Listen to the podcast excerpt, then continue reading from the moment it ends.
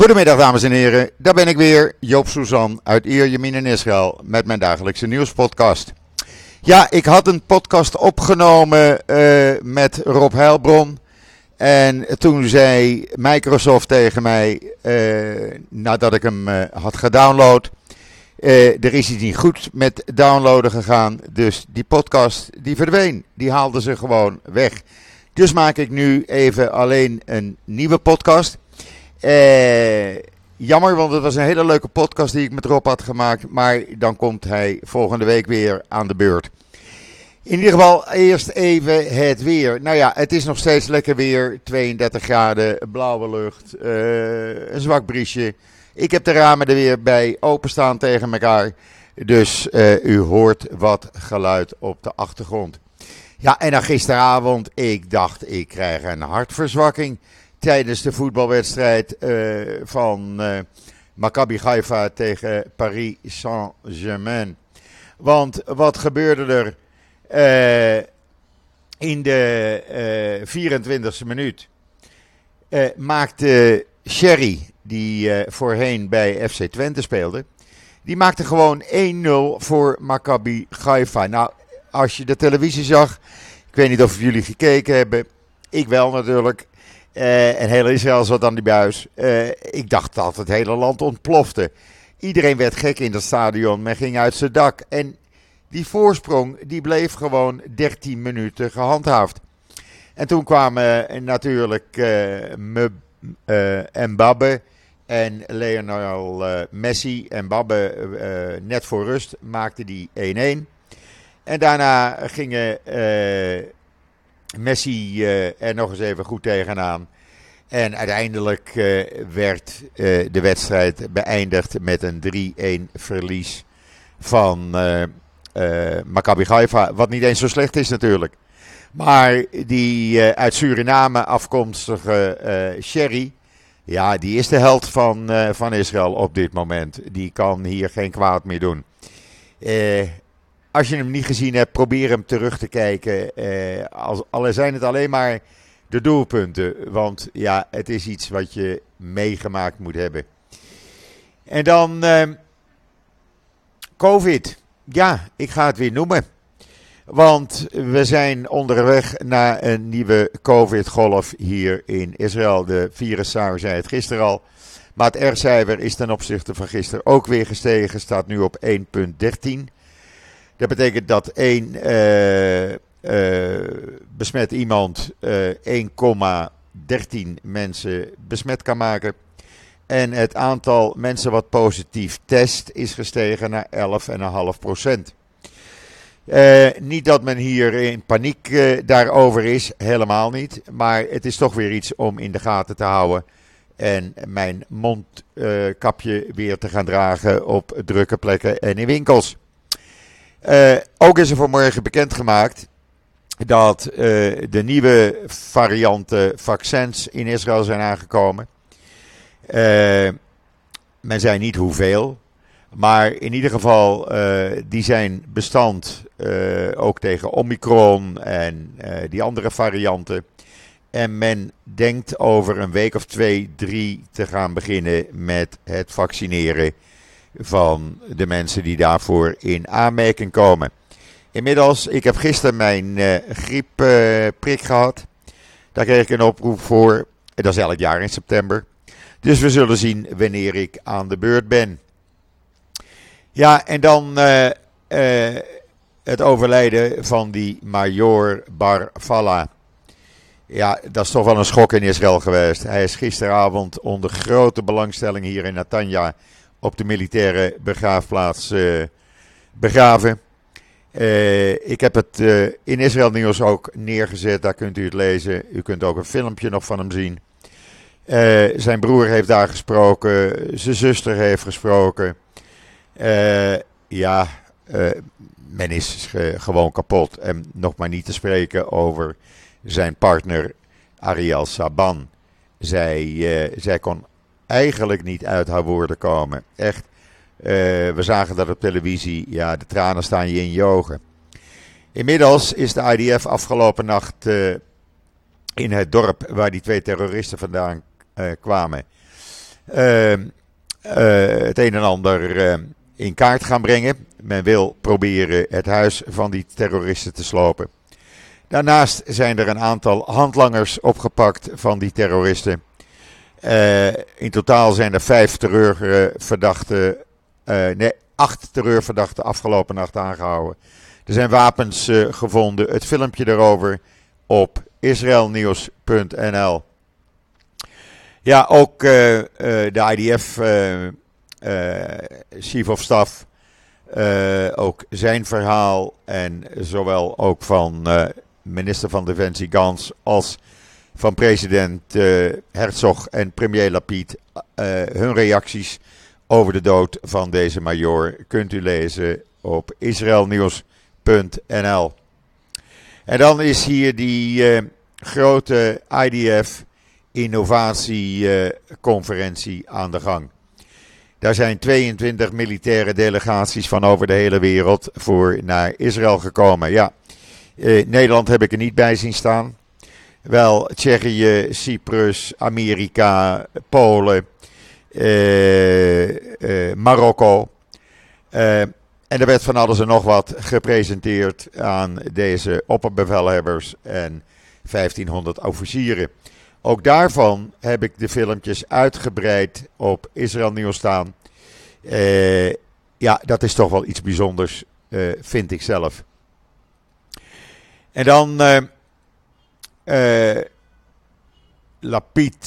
even kijken, wat hadden we nog meer? Oh ja, Israëlische experts, jawel.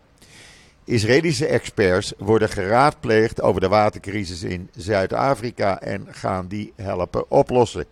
Zuid-Afrika, wat nou niet echt een land is dat pro-Israël is, eh, om het zo maar even te noemen, die eh, zag geen andere uitweg en heeft experts van uh, het JNF en KKL eh, gevraagd van kunnen jullie ons helpen om uh, deze watercrisis op te lossen.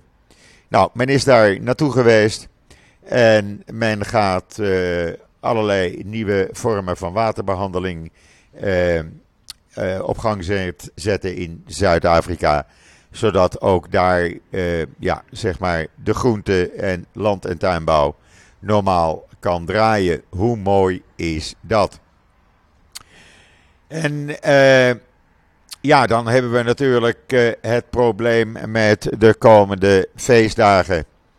Het is nu wel duidelijk uh, dat Hamas probeert een conflict te, op te zetten. ze jutten de boel op en dat gaat met name, gebruiken ze daar als argument de Tempelberg voor. dat heeft Eyal Hulata, hoofd van de Nationale Veiligheidsraad, bekendgemaakt. En hij zegt, daar moeten we iets aan gaan uh, veranderen.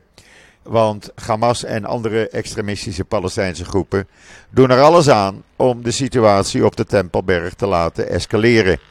Uh, men wil namelijk een nationaal conflict uitlokken met Israël. En die spanningen die worden alleen maar groter en groter.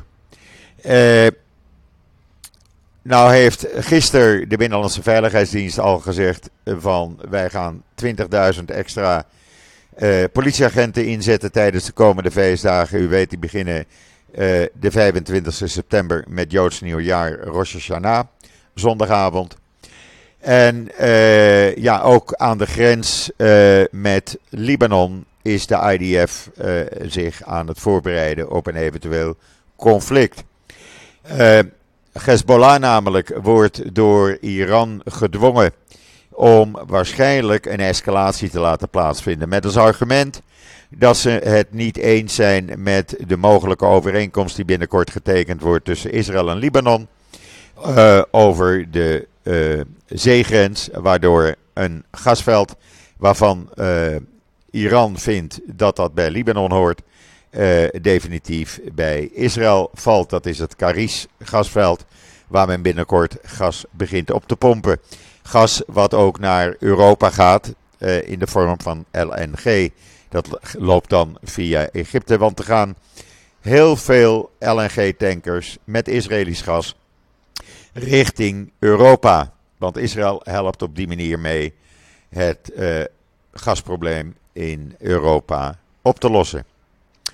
En dan heel mooi, Duitsland heeft aangekondigd, en dat is na het bezoek van Lapid geweest, eh, om de financiering voor verpleegkost, eh, verpleegkosten van Holocaust-overlevenden te verhogen. Dat betekent dat ruim 14.000 mensen in Israël een extra 1200 shekel per maand, oftewel zo'n uh, 350 euro per maand krijgen om verpleegkosten te dekken. Ik vind dat heel keurig wat de Duitse minister van Financiën uh, Lindner heeft meegedeeld.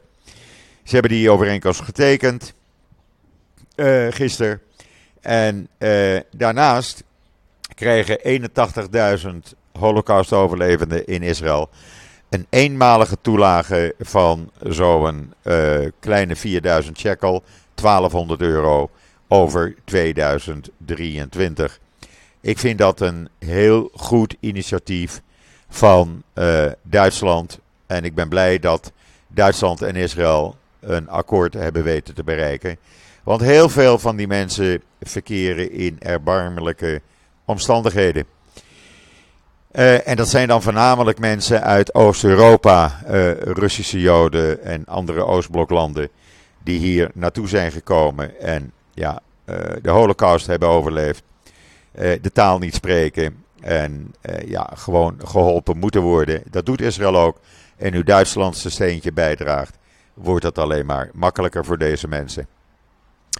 En dan gisteren in Abu Dhabi ja, ja, iets wat een aantal jaren geleden ondenkbaar was.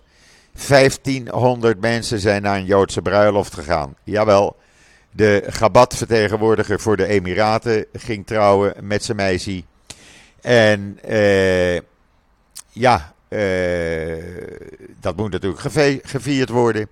Onder die 1500 mensen waren ook hoogwaardigheidsbekleders uit de Emiraten, maar ook leden van het Koninklijk Huis van de Emiraten en rabbijnen die over de hele wereld zijn gestationeerd van Gabat, die allemaal daar naartoe gingen. Het werd gewoon in het openbaar gevierd met een enorm groot feest. Waarbij eh, Emiraten, Arabieren met hun lange gewaden dansten met orthodoxe Joden. Je kan het filmpje zien op Times of Israel. Ik vind het prachtig, echt waar. En dan de koning van Jordanië, Abdullah, schrijft in een boek wat binnenkort uitkomt over Trump. Zegt hij: Ik dacht dat ik een hartverzwakking kreeg. De adem stokte mij in mijn keel. Toen Donald Trump mij de Westbank eh, aanbood. De hele Westbank. Hij zegt: ik, ik dacht dat ik van mijn stokje ging. Dat bleek in januari 2018 door Trump te zijn gedaan. Het verhaal vertelt nog niet of uh, Israël hiervan af is. Lijkt mij sterk. Maar uh, Trump vond het wel een goed idee om uh, de Westbank in zijn geheel aan Jordanië te geven. Omdat, zegt hij, ja, er wonen al zoveel zogenaamde Palestijnen daar. Nou, dan kan die Westbank er ook wel bij. Is het probleem opgelost? maar goed, koning Abdullah die zegt: Ik kreeg een hartaanval. Allemaal te lezen in een boek wat binnenkort uitkomt van Trump. Nou, ik ben benieuwd. Ik wil het boek echt graag, gaan lezen natuurlijk.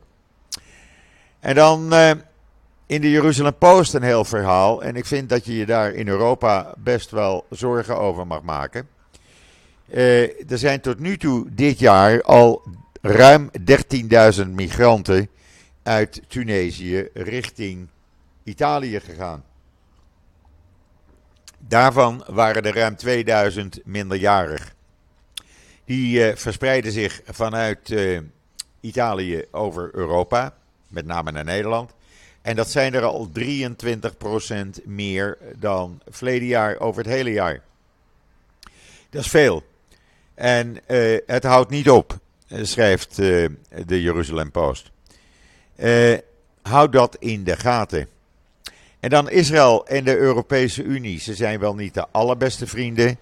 Maar ze hebben toch gisteren een overeenkomst getekend. Waarbij de Israëlische politie informatie gaat delen met uh, haar Europese tegenhangers.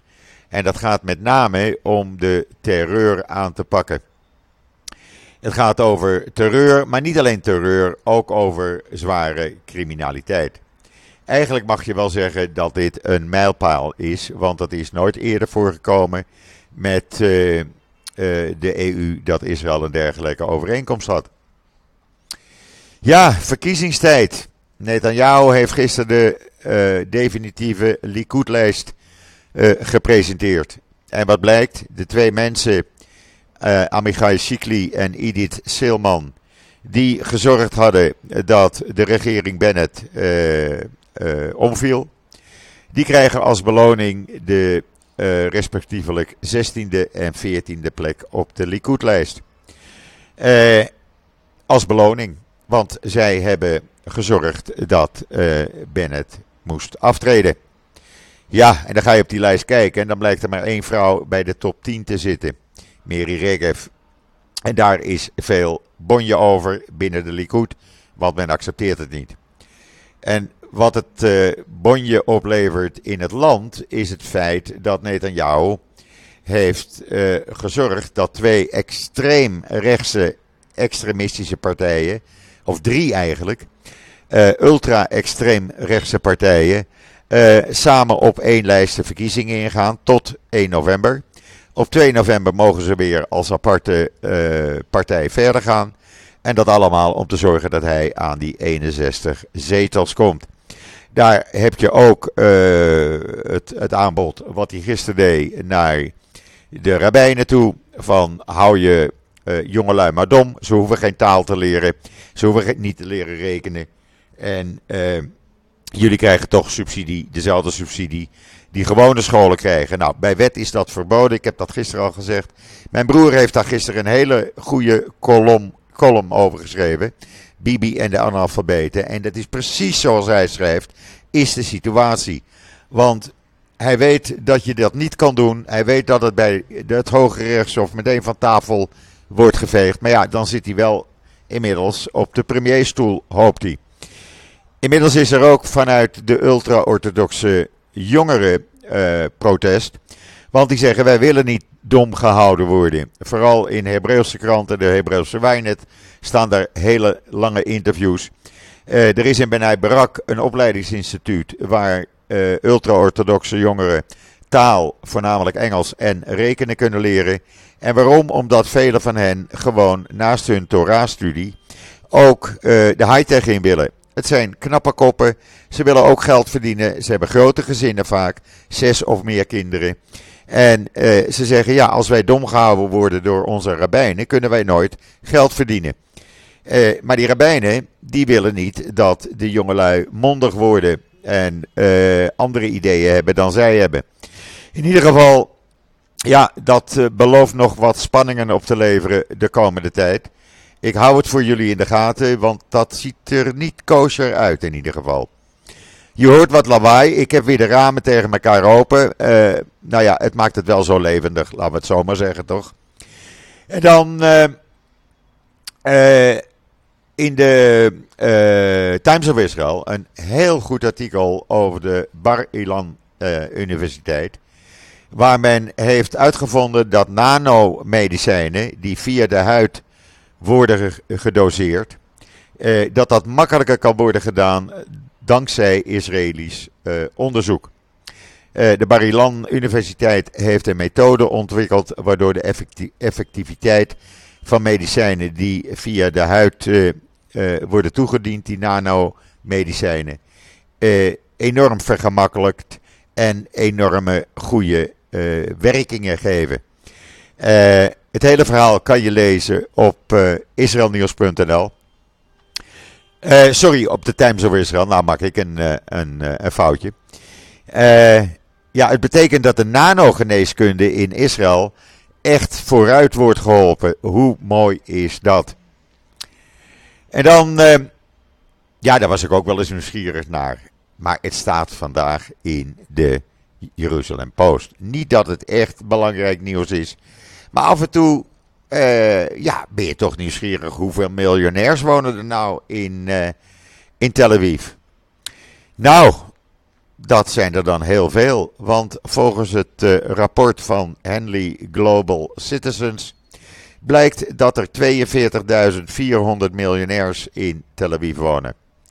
Eh, maar dat is niet eh, het enige. Er wonen ook nog 12 miljardairs. En dat had ik toch niet verwacht.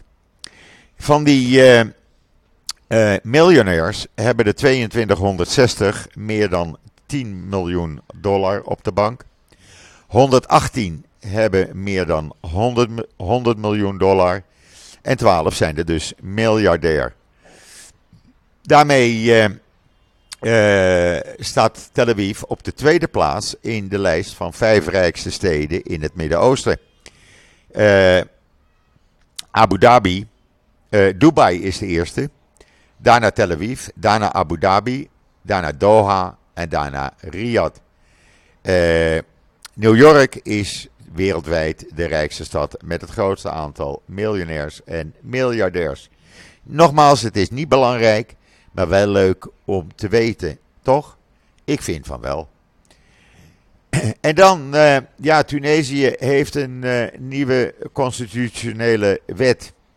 En in die grondwet wordt opgeroepen uh, tot een Palestijnse staat. Wat Tunesië daar nou mee te maken heeft, begrijp ik niet. En er wordt ook opgeroepen in de grondwet van Tunesië dat Jeruzalem de hoofdstad van een Palestijnse staat is. Nou ja, ik begrijp niet wat Tunesië doet met een grondwet die dan gaat over, uh, over uh, Jeruzalem. Uh, daar hebben ze toch niks mee te maken. Ze hebben hun eigen land. Dat ligt niet hier in de buurt, dat ligt in Noord-Afrika. Maar goed, je kan dat maar in je grondwet opnemen. En dan kan je later altijd zeggen van, zie je wel, wij hadden gelijk. Ik begrijp niet waar mensen zich mee bemoeien. Maar ja, ik begrijp zo vaak dingen niet. Waarvan ik denk van, nou ja, moet dat dan? Uh, uh, maar laten we daar maar niet over hebben. Ja, en dan is er hier iets heel ernstigs ontdekt. het Asuta Medisch Centrum in Rishon LeZion heeft gisteren ontdekt dat een Israëlische vrouw die IVF-behandelingen had ondergaan, vruchtbaarheidsbehandelingen, een foetus bij zich draagt die niet genetisch gezien van haar of haar man is. Dat is toch wel heel ernstig. Uh, men had een uh, genetische test uitgevoerd en ontdekte dat die foetus niet uh, overeenkomt met die vrouw en haar partner. Men is onmiddellijk een onderzoek gestart. Er is een commissie samengesteld. Want het zou best eens kunnen dat er meerdere gevallen zijn. En het erge is, zelfs als die vrouw de foetus niet zou willen houden, dan bestaat het risico, uh, ja, er kan geen abortus meer plaatsvinden. Omdat de foetus al te ver gegroeid is. Hoe zich dat verder gaat ontwikkelen, ik vind het verschrikkelijk. Echt waar. Ik heb uh, te doen met deze mensen. Ja, en voor de rest, het weekend komt eraan in Israël. Het is donderdag en dat betekent dat iedereen zich weer voorbereidt op het weekend. Ook Joop natuurlijk. Vrijdag is altijd het huis schoonmaken. Eh, wat inkopen doen. Eh, morgenavond waarschijnlijk bij een van de kinderen eten. Of misschien komt, komen ze hier naartoe. Ik weet het nog niet. Wordt altijd op het laatste moment eh, besloten. Ja, en dan het weekend lekker weer genieten. Zaterdagmorgen vroeg weer met de hond. Jullie weten nu hoe die eruit ziet. Lekker weer naar het strand toe. Lekker uh, een paar uur lopen. Het is nou zulk lekker weer, mensen. Echt, ik kan iedereen aanraden. Kom gewoon lekker naar Israël toe als je de tijd hebt, als je de mogelijkheden hebt. Uh, tot en met in ieder geval eind oktober, begin november blijft het heerlijk weer. Ja, Misschien binnenkort zou er eens een regenbuitje kunnen gaan vallen. Nou ja, we zitten al sinds begin april zonder regen. Dus de straten mogen ook wel weer uh, schoongespoeld worden. Zullen we dat zomaar zeggen? Ja, en dan bereidt iedereen zich voor op Rosh Hashanah. En daarna, acht dagen later, Yom Kippur. En een aantal dagen daarna weer Sukkot, Loofhuttenfeest. Eh, gevolgd door Vreugde de Wet Simcha Torah. Dus de periode van ruim drie weken waarin alle Joodse feestdagen plaatsvinden. Eh, voor mij wat eh, somberder, omdat eh, ja, de avond eh, of de ochtend van Rosh Hashanah mijn meisje is overleden vier jaar geleden. Dus Rosh Hashanah is voor ons in de familie nooit meer Rosh Hashanah zoals het ooit was. Maar goed, het is niet anders. Dan wil ik iedereen bedanken die mij een tip heeft gegeven. Het maakt het mogelijk om door te gaan. En ik zou willen vragen, blijf vooral een tip geven via fooienpot met een d.com. Het kan ook met Ideal gedaan worden. En het is zo makkelijk. En ik ben ermee geholpen om gewoon door te gaan met wat ik eh, doe. Jullie van objectieve, eerlijke informatie eh, geven vanuit Israël. En de podcast blijven maken. En de blog blijven maken natuurlijk. Want er gebeurt hier zoveel mensen. Goed, dat was het voor wat mij betreft. Nogmaals, volgende week doe ik een nieuwe podcast met Rob Heilbron. Hopelijk gaat het dan wel goed. Uh, ik wens iedereen Shabbat Shalom vanuit Israël. Een mooi weekend. Ik ben de zondag weer en zeg zoals altijd: tot ziens. Tot zondag.